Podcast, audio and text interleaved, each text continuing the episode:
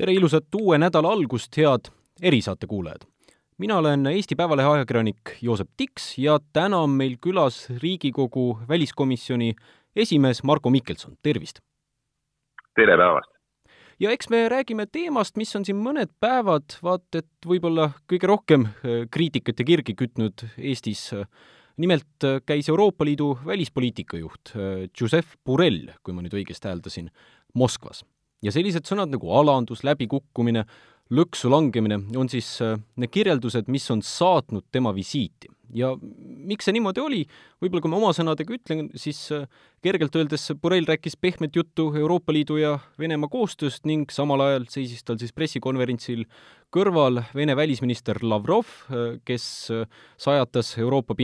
suunas igasuguseid erinevaid süüdistusi nüüd muidugi täna või hiljaaegu on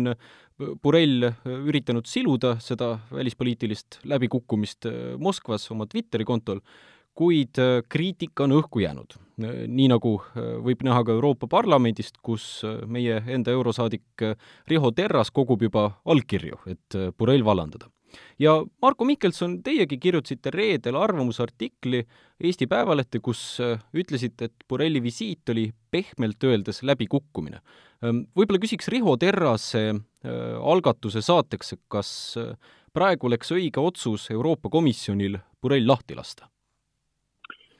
no ma arvan, et tegelikult on asi palju tõsisem kui ühe keskpärase poliitiku nagu selleks ilmselt Josep Borrell on saatus. ehk siis tegelikult äh, ei kukkunud ju mm, Moskvas läbi mitte üksnes Borrell oma isikuna ja, ja, ja selle õnnetu pressikonverentsi kaudu ju nägi kogu maailm, mm, kuidas Lavrov väga kogenud diplomaadi ja, ja Vene välisministrina ta üle mängis, aga tegelikult Borrell ei läinud ju sinna ainult äh, Moskvasse visiidile ju äh, nii-öelda oma iseenese tarkusest, et tegelikult äh, tema selja taga oli ikkagi enamik Euroopa Liidu liikmesriike, kes on viimastel aegadel väljendanud väga selgelt soovi, et Venemaaga tuleb dialoogi otsida, tuleb dialoogi arendada või ka siis usaldusmeetmeid tekitada, sest Venemaa on äh, vaieldamatult oluline rahvusvaheline jõud erinevates kriisikolletes või piiriülestes probleemides kaasarääkimisel, tegemist on ju ÜRO Julgeolekunõukogu alalise liikme, tuumariigi ja, ja väga mitmeid kontinente mõjutada suutva riigiga, rääkimata siis sellest, mis ta oma piiridel vahetult naabritega teeb. nii et mõnes mõttes nagu see soov ja, ja tahe ja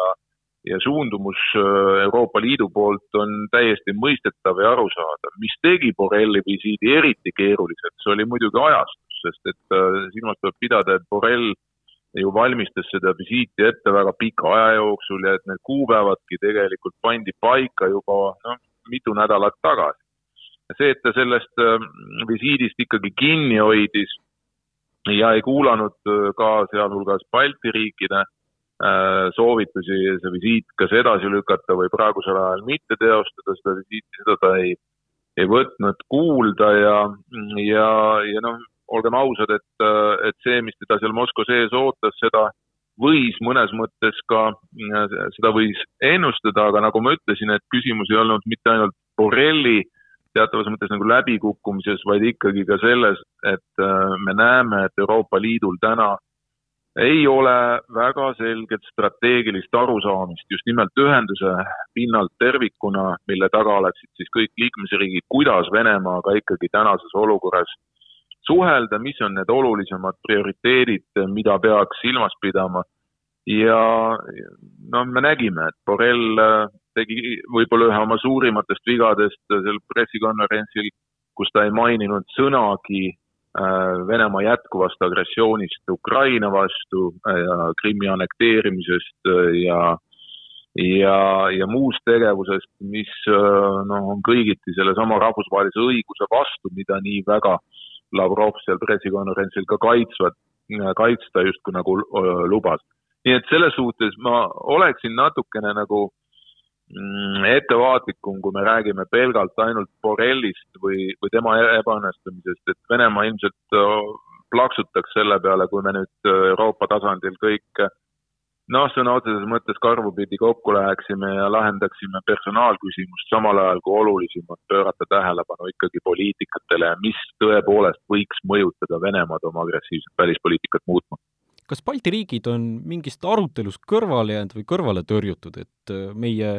Euroopa Liidu kõige kõrgem välispoliitiline juht läheb äh, Moskvasse ja seal ei ole ühtegi äh, nooti või memo tema väljaütlemistes Balti riikide poolt, ei ole midagi, mis oleks tulnud Tallinnast, mis oleks tulnud Riiast või mis oleks tulnud siis Vilniusest? ma ei ütleks, et kõrvale jäetud, et loomulikult on Eesti, teised Balti riigid sarnaselt Prantsusmaa või Saksamaa või Hispaaniaga osalemas ju välispoliitika, Euroopa Liidu tasandi ühtse välispoliitika kujundamises seda nii läbi ministrite kohtumiste kui, kui siis nii-öelda igapäevase töö tasandil Brüsselis. küsimus on lihtsalt selles, et äh, on ju ilmne, et äh, riigi, Eesti väik-, kui väikeriigi ja ka Balti riikide nii-öelda äh, siis huvid on Venemaa suunal pisut teistsugused, pisut tundlikumad kui pehmelt öeldes, kui näiteks Prantsusmaa või Hispaania või, või ka praeguse Euroopa Liidu eesistuja Portugali omad. eks see on alati olnud niiviisi, et Euroopa Liidus noh, erinevates sellistes suuremates küsimustes ongi, ongi nurki palju ja, ja siin on diplomaatia küsimus. mina ütleks niiviisi, et võib-olla me ise oleme natukene olnud, no ma ei ütleks, et laisad, aga aga meil tuleb mõnevõrra rohkem pingutada, et meid kuulataks, et meid pidevalt kuulataks, et et me oleksime aktiivsed just nimelt nendes olulistes Euroopa pealinnades, Pariis, Brüssel,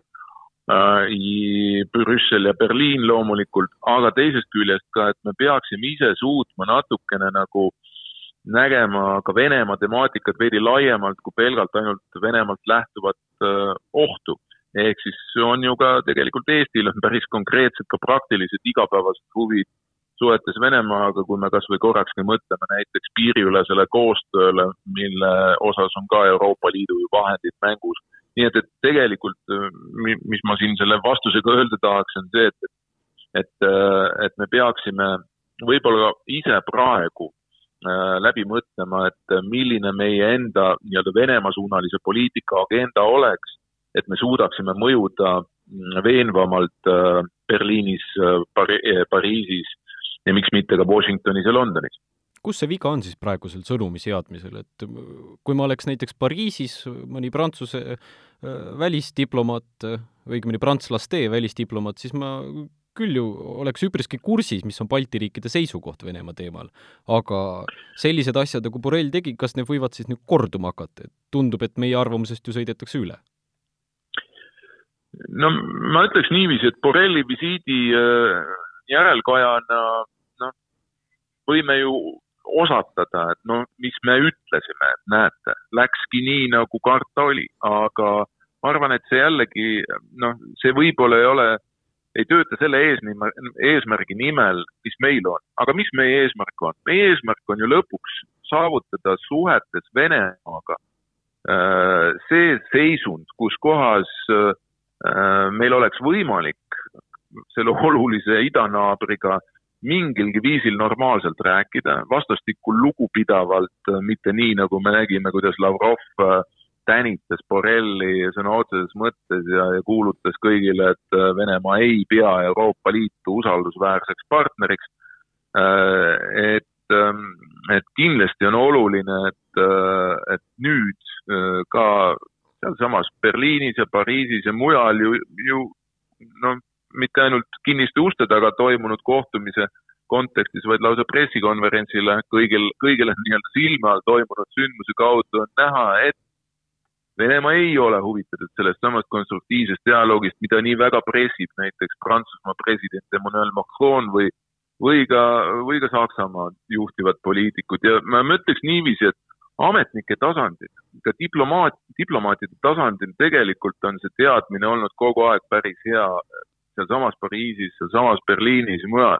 kus tekivad tõsised äh, nii-öelda juba erisused, on poliitiline tasand. ma pean ütlema, et üks, mis on meid kõvasti pärssinud siin viimase aasta jooksul, just nimelt sellist poliitiliste kontaktide te-, no hoidmisel ja tugevdamisel ja ka nende teemadel rääkimisel on seesama Covidi pandeemia, kus kohas on olnud ikkagi väga-väga vähe äh, kohtumisi, no otsekohtumisi peaaegu mitte ühtegi, mis iseenesest on tekitanud selle, et me oleme natukene igaüks oma pealinnas või omas riigis mõtleme, mida teha ja kuidas. nii et selles suhtes ma olen, ma olen nagu seda meelt, et äh, et ega see on, see on lõputu töö, et äh, ei saagi öelda, et nüüd me oleme näiteks seletamisega ühele poole jõudnud ja ja siis on nagu Venemaa-suunaline poliitika paigas, et äh, tegelikult äh, noh, mõtleme kas või sellesama Nord Stream kahe teemadel või, äh, või siis laiemalt, et millised võivad olla, noh, paneme kas või mõttes paika selle, et milline on Prantsusmaa ja Saksamaa suhete ajalugu Venemaaga ja siis mõtleme, kuidas, kuidas nad näevad siis praegust kogu seda olukorra konteksti, nii et eks, eks see on kompleksne ja keeruline mäng ja, ja kindlasti äh, ei, kindlasti ei aita ainult kaasa see, kui me suuname kogu oma kriitika teraviku praegu ainult Borrellile. No minu jaoks muidugi ka küsimus see, et millist muudatust need Lääne-Euroopa riigid ja nende juhid, no ütleme, Macron või Sanchez või Merkel siis Venemaa poolt ootavad, et, et mis muutus sealt Moskvast küsitakse, räägitakse küll, et koostöö ja usaldus, mis on ilusad sõnad, aga mis see sisu nende taga peaks olema? no ma arvan, et eks põhiline ikkagi, mida ju Borrellgi enne visiiti ja sealsamas pressikonverentsil nii-öelda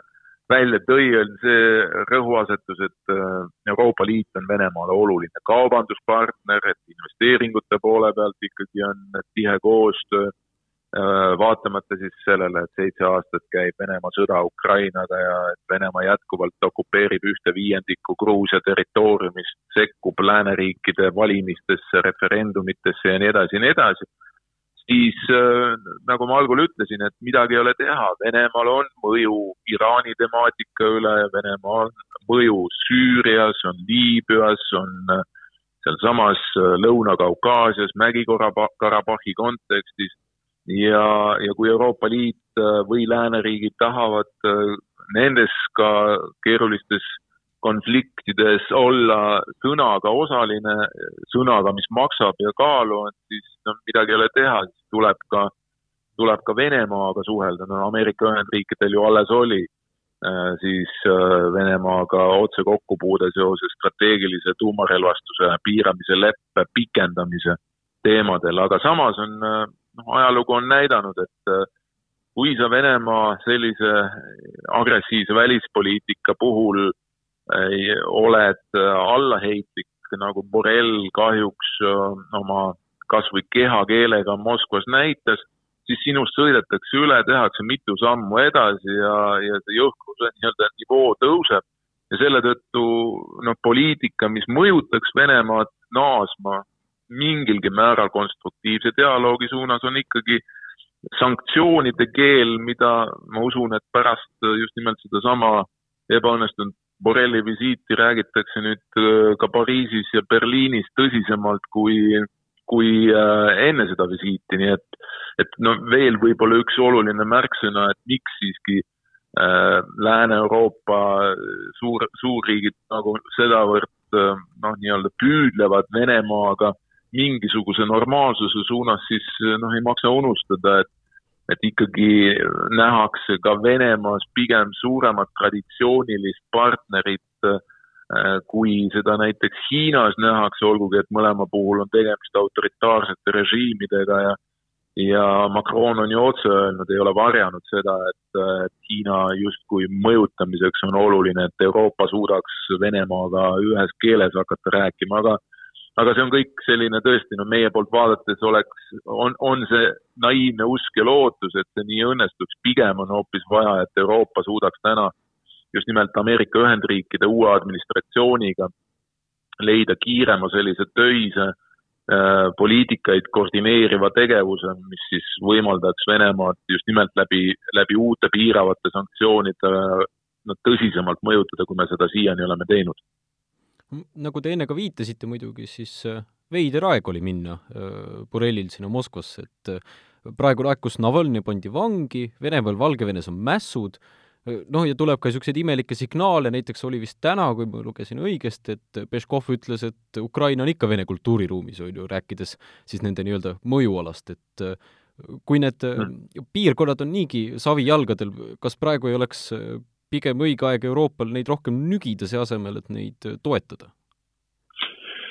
no ütleme niiviisi, et äh, võib ju vaadata ka sellise äh, nurga alt ja see on võib-olla veidi provokatiivne mõte, aga võib-olla oli ka Borrelli käik äh, ajastatud selliselt, et kui seda oleks suutnud välja mängida nagu jõuliselt ja selge sõnumi andmisega Venemaale ja Venemaa juhtkonnale, siis võib-olla sellel oleks ka olnud suurem mõju kui näiteks Brüsselis tehtud telefonikõned. Aga kõik need sõnumid, kõik need noh, nii-öelda äh, tegevused, mida Borrell oleks võinud teha Moskvas, jäid tegemata. jah, ta kohtus küll kodanikuühiskonna esindajatega, ausalt öeldes ma ei tea, kellega ta kohtus, aga igal juhul ta ei kohtunud ei Navalnõiga, ei taodelnud minu teada kohtumist Navalnõiga ega, ega kohtunud ka Navalnõi abikaasa Julia Navalnõiga, kellega oleks võinud täiesti selgelt sellist solidaarsust väljendada ja kohtumise teha ta koht, tema vist äh, meeskonnakaaslased või tiimikaaslased kohtusid äh, diplomaadid küll ähm, Navalnõi advokaatidega, aga see ei, kindlasti ei olnud see sõnum, mida, mida temalt oodati. ka pressikonverentsil oli ta väga pehme, kui ta kirjeldas seda, et ta on andnud üle Lavrovile justkui mingi protestikirja selle, seoses sellega, mis puudutab Navalnõit aga see oli tal, noh, seda oli näha, et ta isegi seda suutis pressikonverentsil kahjuks ainult paberilt lugeda, mitte väljendada oma jõulist mõtet. teine teema, mis oleks võinud kõlada Moskvas, on, ja seda oleks võinud pressikonverentsil väga lihtsalt välja tuua ja pareerida Lavrovi loengupidamist, kui Lavrov rääkis rahvusvahelisest õigusest ja riikide territoriaalsest terviklikkusest ja suveräänsusest Äh, siis oleks võinud ju väga üheselt tuua esile Gruusia temaatika,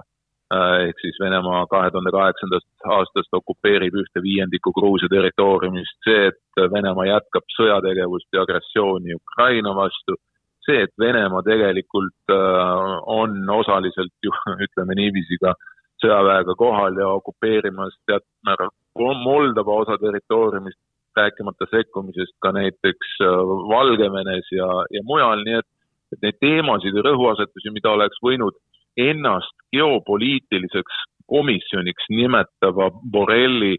ase, asepresident, komisjoni asepresident Borrell välja tuua Moskvas, neid oleks olnud küllaga. ja ma ütleks, et Moskvas oleks võetud seda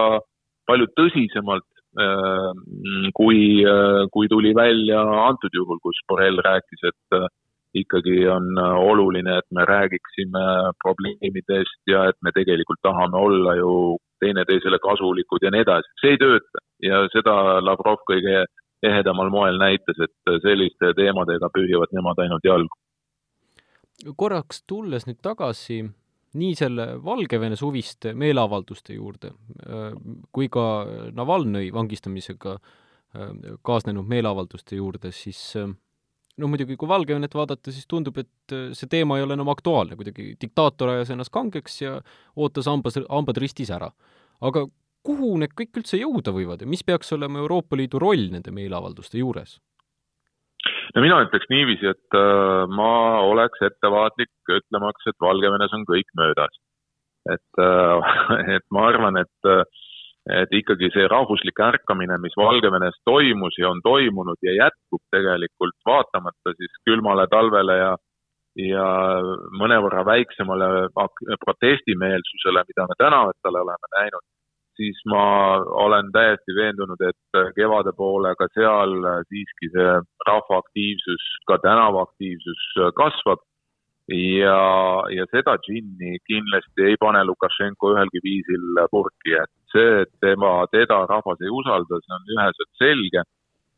küsimus on võimu transformatsioonis äh, ja kas see võib endaga kaasa tuua tõsisemaid tagajärgi, ütleme siis vägivaldsemaid kokkupõrkeid, kui me näinud oleme. ja selles suhtes kindlasti on ka Moskvas toimunud äh, ikkagi protestimeeleavaldused Navalnõi kõigepealt siis vahistamise ja hiljem vangistamise kontekstis on miskit, mida me ei ole näinud Venemaal, no mäletame, kui kunagi Hodorkovski, Mihhail Hodorkovski oligarhina kinni võeti ja ka pikaks ajaks vangi mõisteti, siis selliseid ulatuslikke meeleavaldusi, eriti teadmises, et tullakse välja sanktsioneerimata miitingutele, ei toimunud, nii et ikkagi ma ütleks, et sotsiaalmeedia mõjul uue põlvkonna aktiivsus näitamaks üles oma arvamust, et noh, kõigepealt juba küsides, et miks me ikkagi oleme sellises olukorras, nagu oleme ja kas, kas Venemaal või Valgevenel võib olla alternatiivne äh, võimalus diktaatorliku, antud juhul siis kas Lukašenko või Putini võimu alt pääsemiseks, et need küsimused ei ole kuhugi kadunud, Venemaa puhul tuleb silmas pidada, et et äh, sügisel on seal ees seismas riigiduumad valimised ja, ja kindlasti Navalnõi toetajaskond keskendub oma poliitilise aktiivsuse ja protestitegevuse kindlasti pigem siis kevadesse ja suvesse, kui et, kui et me näeme võib-olla praegu teatud sellist noh, taandumist ka Navalnõi enda staabiinimesed on öelnud, et äh, pigem praegu teha väikene paus, et mitte väsida ära siis tegelike selliste tõsisemate protestidel, mis tõenäoliselt tulevad juba suvel ja sügisel. aga kui korraks nüüd mõelda selle peale, et kui ma enne rääkisin, et Vene, Venemaa suunal, millist poliitikat me võiksime näha, mis tegelikult ka mõjutaks Venemaa nii-öelda sisemisi arenguid, äh, poliitilisi otsuseid, siis, siis kindlasti kõige kõige olulisem on e-, esmalt, et oleksid äh, vastu võetud sanktsioonid, mis ka reaalselt mõjuksid. Ja nende sanktsioonide all ma pean silmas ennekõike äh, siis Putini, Putinit ennast, tema raha ja, ja lähikondseid mõjutavaid äh, nii-öelda sanktsioone, teiseks äh, on oluline, et äh, Euroopa Liit eeskätt, aga ka koos Ameerika Ühendriikidega aitaks võimalikult palju kaasa sellele, et Valgevene, Ukraina, Moldova, Gruusia äh, areneksid äh, suveräänsete, iseseisvate, tugevate riikidena äh, stabiilseteks demokraatiateks. see on üks suurimaid heidutusi, mis Venemaal on, seda väga-väga peljatakse Moskvas, nagu nad on ju alati rääkinud, selle niinimetatud värviliste revolutsioonide kahjulikkusest, ehk siis kui panna tõlkesse, siis me räägime tegelikult liberaalse demokraatia võidukäigust, siis ähm, Venemaa naabrusest ja kolmandaks, mis on oluline, et me ei keskenduks ainult siis ka sellele, mida teeb Euroopa Liit või ei tee, et jällegi ülioluline on Atlandi-ülene koostöö ja sealhulgas ka äh, siis Venemaa sõjaline heidutamine, mis puudutab NATO tegevust. Ja kui siin äh, Ühendriikide president Biden alles teatas, et äh, ta peatab äh, vägede väljatoomise Saksamaalt, siis on mitmed USA analüütikud juba vihjanud, et tegelikult võiks kasutada mõne üksuse saatmist ka Balti riikidesse, Eestisse, Lätisse, Leedusse või roteeruvalt siia, et näidata siis Ühendriikide tõsist, tõsist äh, kasvavat huvi Venemaa heidutamisel, nende agressiivse välispoliitika tõrjumisel, et ärgem unustagem, et selle aasta teisel poolel on ju Venemaa kavandamas ka suurõppuse Zapad kakskümmend üks läbiviimist sealsamas Valgevenes ja ka meie piiride läheduses. Need kõik kõlavad muidugi nagu tibusammud, et ma ei saa aru, kust see muudatus peaks tulema, kas siis Putini või Lukašenka režiimi juurde, kus mõlemad mehed on aastakümneid juba oma riike valitsenud äh, polegi äh, vaja endale luua illusiooni, et äh, miski muutuks kiirelt ei Valgevene puhul ega ka Venemaa puhul. Äh, ja, ja küsimus, no Valgevene puhul ma ütleks niiviisi, et äh, kakskümmend kuus aastat on üks mees võimul olnud järje, järjest kauem siis kui Putin ja, ja terve põlvkond on üles kasvanud. Tea-, tead-, et teada, et Valgevenel võib olla ka mingisugune muu alternatiiv, kas või liidri näol siis Valgevene puhul on kõige olulisem saavutada see, et äh, seal riigis oleksid üldse võimalik läbi viia äh, vabu äh, valimisi ja see on esmane ja kõige olulisem eesmärk. et saavutada kas või näiteks selline mm, äh, sisemine areng, nagu oleme viimase kahekümne, kolmekümne aasta jooksul näinud Ukrainas. aga Venemaa puhul äh, ma ütleks niiviisi, et äh, ilmselt me näeme lähiajal veelgi karmimaid re repressioone oma kodanike suhtes äh,. see, kuidas, kui suure jõu ja ja sellise no reageeringuga reageeris siis Venemaa juhtkond Navalnõi tagasitulemisele Venemaale ja ja siis nendele protestimeeleavaldustele üle riigi, kus massiivse jõuga rahvuskaarti ja, ja politsei eriüksusi kasutades siis inimesi hirmutati üle riigi, et nad ei, ei tuleks välja ja, ja hoiduks Navalnõi toetamast, toetamisest, siis ma ütleks niiviisi jällegi, et, et see seeme, mis on idanemas seal just nimelt äh, mõttega, et, et, äh, et Venemaal võiks olla ka noh, esiteks juba iseenesest pluralistlikum keskkond selleks, et arutleda Venemaa oleviku ja tuleviku üle. Ja ennekõike just nooremas põlvkonnas on need küsimused üha rohkem tekkimas, siis ma ütleks, et ka see mõjutab kindlasti äh, Venemaa lähitulevikku, aga, aga eeldada, et toimuksid väga põhimõttelised muutused siin silmnähtavas tulevikus loomulikult seda, seda ka mitte ei maksa, maksa eeldada ja siin ongi see üks suurimaid dilemmasid, et kui lääneriikides Äh, eeldatakse võib-olla muutusi juhtuvat kiiremini, kui seda, see tegelikkuses toimub, siis justkui nagu väsitakse ära seda survet hoidmast. sest et äh, olgem ausad, et, et sõda Ukrainas on ju kestnud juba seitsme, seitsmendat aastat ja see on äh,, see on ikkagi muljetavaldav pikk periood. Viimaks küsikski selle äh, Euroopa nii-öelda välispoliitilise üksmeele kohta, et kui me siin enne ka rääkisime, siis äh, ja nagu praegugi ütlesite, siis ütleme, Lääne-Euroopa riigid pigem võtavad niimoodi, et mida kaugemal nad on Venemaast, seda lähemal nad tahaksid suhetes olla nendega, aga kas selline üksmeel, mis tekkis pärast Ukraina sõja algust üle Euroopa Liidu, kas see on nüüd kuidagi maha jahtumas ja, ja mis peaks juhtuma, et seda uuesti mobiliseerida? no see, selleks aitavadki mobiliseerida sellised fopaad, mida me nägime eelmisel nädalal äh, Moskvas, et noh, kõigile, kes räägivad praegu sellest, et Venemaaga tuleb läbi viia sellist konstruktiivset dialoogi, siis ma arvan, et kõigile on selge, need, kes vähegi tahavad sellest aru saada, tehti punasest ja puu, puust ja punasest Lavrovi enda poolt selgeks, et äh, Venemaa ei soovi seda dialoogi ja kui, äh, kui Venemaa seda dialoogi ei soovi, siis tuleb ka kõhklejatest, tekib jällegi see hoiak, et Euroopa Liidus, et okei okay,, meil on sanktsioonid, mis on kestnud juba kuuendat, varsti seitsmendat aastat. Ja siis on täiesti loogiline on see küsimus, et et kui seitse aastat on püsinud sanktsioonid ja nad ei ole tegelikult Venemaad nii palju mõjutanud, nagu me võib-olla oleme lootnud, eks Venemaa oma poliitikat äh, muutnud väga ei ole, pigem on retooriliselt isegi läinud suuremale rünnakule lääne vastu kui, kui kunagi varem,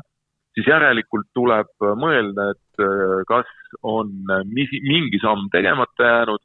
või, või on äh, vaja äh, siis teha veel mingisugune asümmeetriline liigutus, mis paneks Venemaad mõtlema, et et esiteks Euroopa Liiduga peab arvestama ja Euroopa Liidul on mõju ka Venemaa, mm, Venemaa suunal, nii et selles osas on iseenesest väga positiivne, et Euroopa Liit on hoidnud kokku seitse aastat ja on kogu aeg pikendatud neid sanktsioone, mis siis juba Krimmi annekteerimise järgselt ja Malaisia lennuki allatulistamise järgselt siis kahe tuhande neljateistkümnendal aastal Venemaale on seatud. aga see on olnud nagu natukene nagu selline sanktsiooni tilguti, et kogu aeg tilgub, tilgub, on äh, miskit juurde pandud, aga ükski nendest ei ole reaalselt veel olnud selline sanktsioon, noh, kui ma mainin, eks ju, väga palju räägitud Nord Streamist, jätkuvalt ei ole mingit ühismeelt Euroopas, et kas see torujuhe võiks olla